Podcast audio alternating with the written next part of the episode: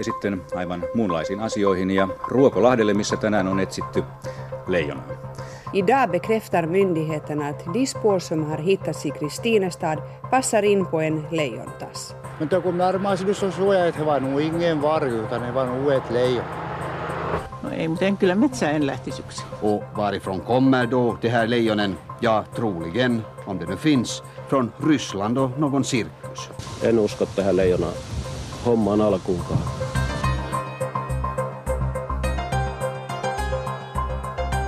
Välkommen till Sommartorkan. En serie där vi blickar tillbaka på nyhetssomrar i det förflutna och så gör vi nedslag i nyhetshändelser som fick stort utrymme då det begav sig, den ena mer långsökt än den andra. Idag ska vi förflytta oss till sommaren 1992.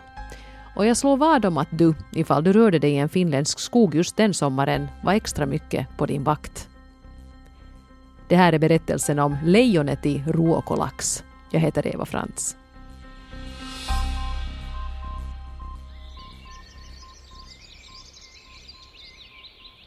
Tisdagen den 23 juni 1992 är en alldeles vanlig sommardag i Ruokolax i södra Karelen.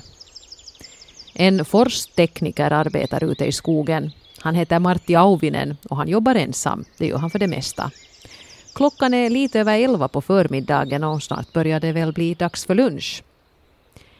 Plötsligt lägger Auvinen märke till att han inte är ensam. Det finns gott om vilda djur i skogarna här så det i sig är inte så underligt. Han ser någonting som skymtar mellan träden. Han ser tassar och en mage och han hinner tänka att djuret har en ovanlig gyllenbrun färg. Kan det vara en lokatt? Nej. Så rör djuret på sig så Auvinen får en bättre titt och nu blir han rejält rädd. För hur otroligt den kan låta står han öga mot öga med ett livslevande lejon. Martti Auvinen har i flera intervjuer uppskattat att han står och tittar på lejonet i över en halv minut medan han febrilt undrar vad han ska göra. Borde han klättra upp i ett träd till exempel? Fast han inser själv att det inte skulle hjälpa honom ett enda dugg. Men till all lycka bryr sig lejonet inte alls om honom utan håller sig på cirka 25 meters avstånd. Till sist tassar det iväg. Efter en stund har Martti Auvinen samlat sig så mycket att han försiktigt kan gå iväg i motsatt riktning, bort från platsen och mot sin bil. Men han är så ställd att han inte kommer för sig att berätta om det han sett förrän dagen därpå. Då kontaktar han en viltkännare som precis som Auvinen själv arbetar för skogsbolaget Enso Gutzeit. De kommer fram till att det djur Auvinen har sett i skogen nog inte kan vara någonting som hör till den finländska faunan. Då ringer de till polisen och strax därpå kör den igång. Den stora jakten på lejonet i Ruokolax.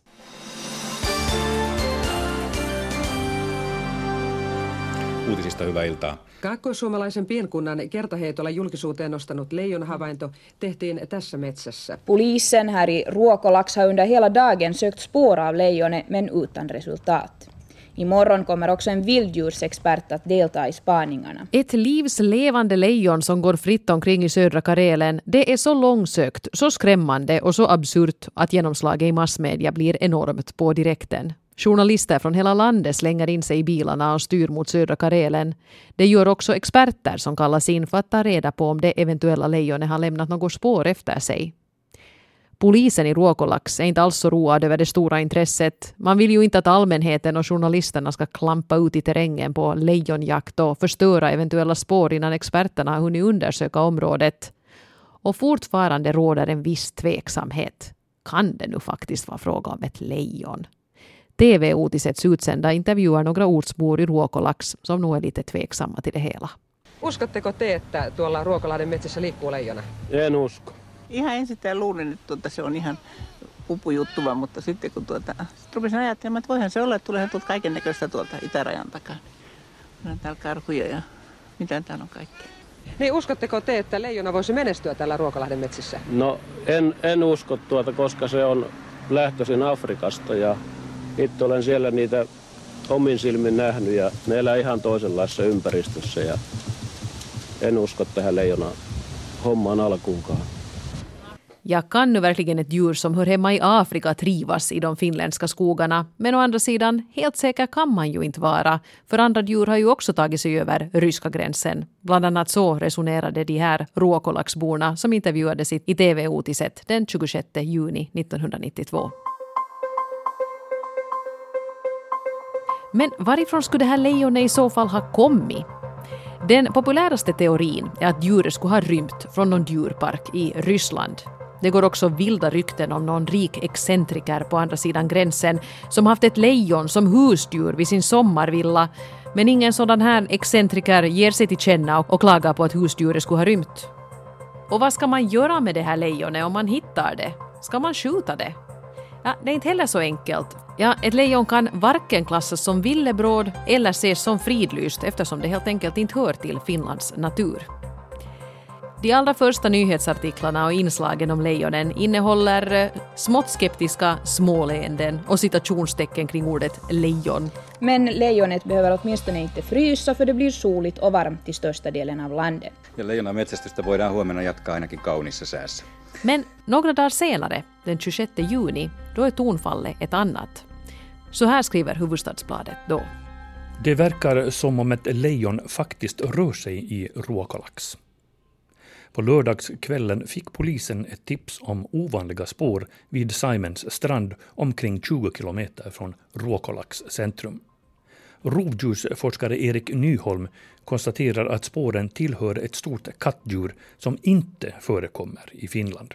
Han anser både på basen av de tidigare iakttagelserna och spåren det sannolikt att ett lejon faktiskt rör sig i området. Så nu fastnar ju skrattet i halsen för experterna börjar luta mot att det faktiskt kan vara ett riktigt lejon som rör sig i skogarna. I samma artikel i Hufvudstadsbladet klargör man också att invånarna i trakten inte behöver vara rädda för lejonet eftersom det är osannolikt att det skulle ge sig på människor. Men det kan också vara skäl att främst röra sig med bil i trakten, inte till fots. Nu dyker det med ens upp rätt många rapporter om lejonobservationer i närheten. Sommarboare, joggare och diverse trafikanter ser skymtar av lejonet. Till exempel två flickor som meddelar polisen att de tycker sig ha sett en skymt av lejonet nära Immala flygfält i norra Imatra. Men polisen hittar inga som helst spår på den platsen. Men spaningsarbetet ska nu fortsätta, eventuellt med flygplan. Och så ska jord och skogsbruksministeriet komma fram till vad som ska ske med lejonet om man hittar det. Och nu händer någonting oväntat. Från Kristinestadstrakten, alltså cirka 500 kilometer bort från Ruokolahti, kommer en rapport. Också där har man sett ett lejon.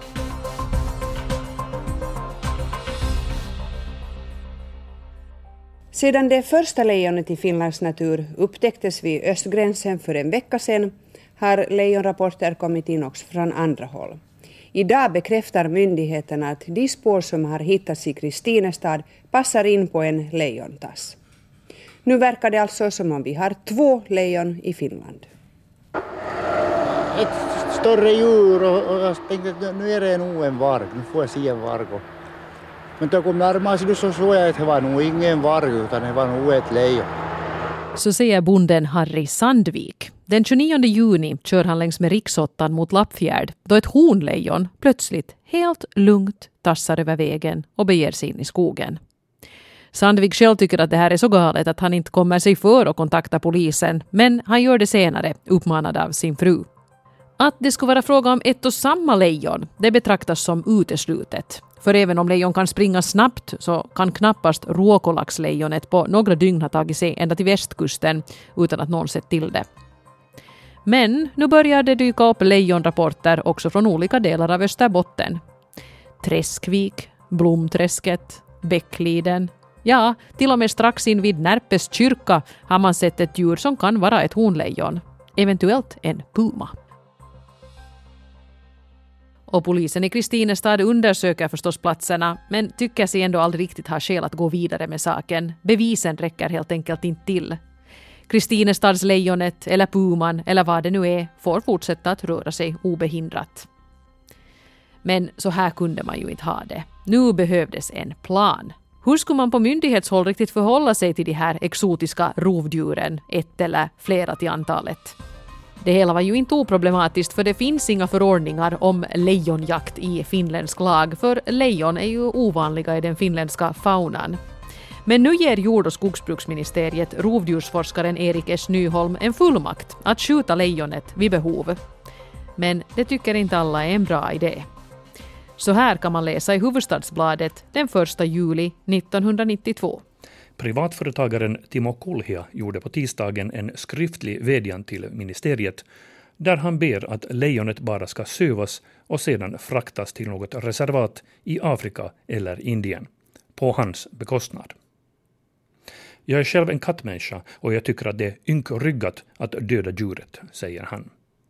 Jag ser lejonet som en gäst som kommit för att gratulera Finland och dess 75-årsdag och så ska det tas emot som en hedersgäst. Också filmregissören Mika Kaurismäki vill se att lejonet fångas levande. Han lovar i så fall att ta hand om det och till och med ge det en roll i en kommande film. Och veckotidningen Seitsemän päivää kontaktar en dansk djurpark som är villig att ta emot lejonet och tidningen skulle i så fall bekosta lejonets resa till Danmark. Och i Imatra börjar man nu förbereda sig på att faktiskt försöka söva djuret istället för att döda det. Med en sån här bil ska djuret sövas ner av Högholmens veterinär som är expert på att söva ner djur, men inte på lejonjakt.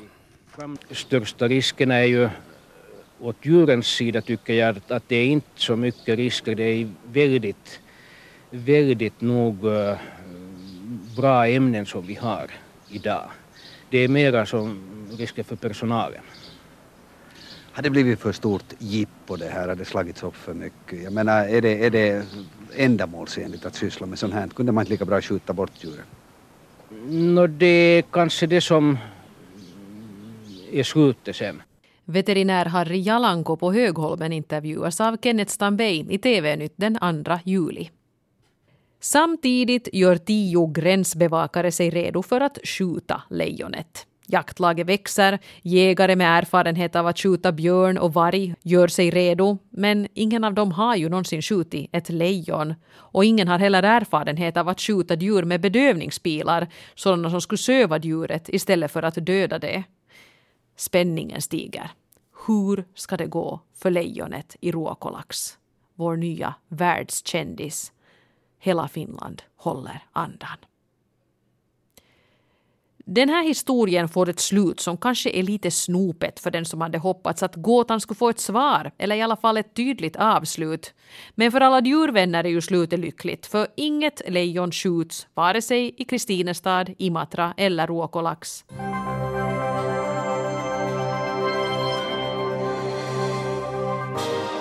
I Imatra-trakten börjar man nu trappa ner lejonjakten. Experterna börjar alltmer tvivla på att lejonet verkligen har funnits. Täällä kotimaassa Kaakkois-Suomessa liikkunutta suurta kissaeläintä ei näillä näkymin yritetä ottaa kiinni sen enempää elävänä kuin kuollenakaan.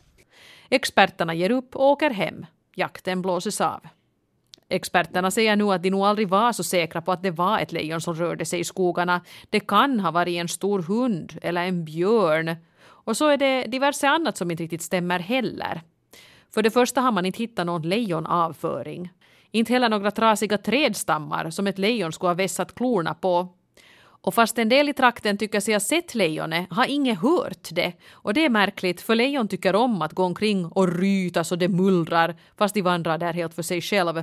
Ljudet är så mäktigt att man nästan kan missta det för ett åskväder. Så efter någon veckas intensiv lejonrapportering ebbar det hela helt enkelt ut.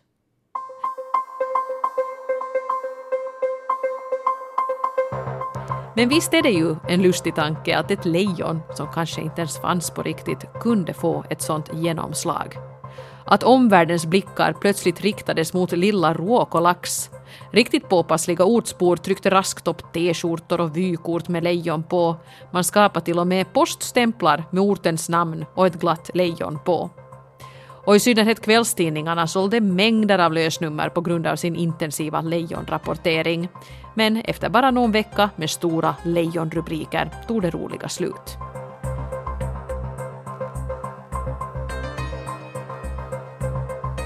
Fanns det då ett lejon i Ruokolax? Martti Auvinen, forsteknikern som var den första att möta lejonet i skogen, han står fortfarande idag, 25 år senare, fast vid att det var ett lejon han såg den där juniförmiddagen i skogen. Idag är han pensionerad och poserar i lokaltidningen invid ett gipslejon som han fick i 50-årspresent och som han har i trädgården. Den skeptiska uppståndelse som lejonet väckte i massmedia sommaren 1992 tyckte Auvinen att var ganska jobbig, men han ångrar ändå ingenting, det säger han i flera olika intervjuer. Och idag går det ju inte längre att bevisa vare sig det ena eller det andra. Kanske ett ryskt cirkuslejon faktiskt tog sig över gränsen den där sommaren. Lejonet i Ruokolax förblir ett mysterium. Ett exotiskt och kittlande och tassigt sommarmysterium.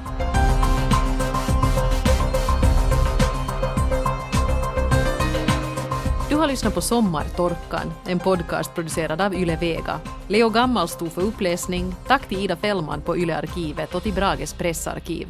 Jag heter Eva Frantz.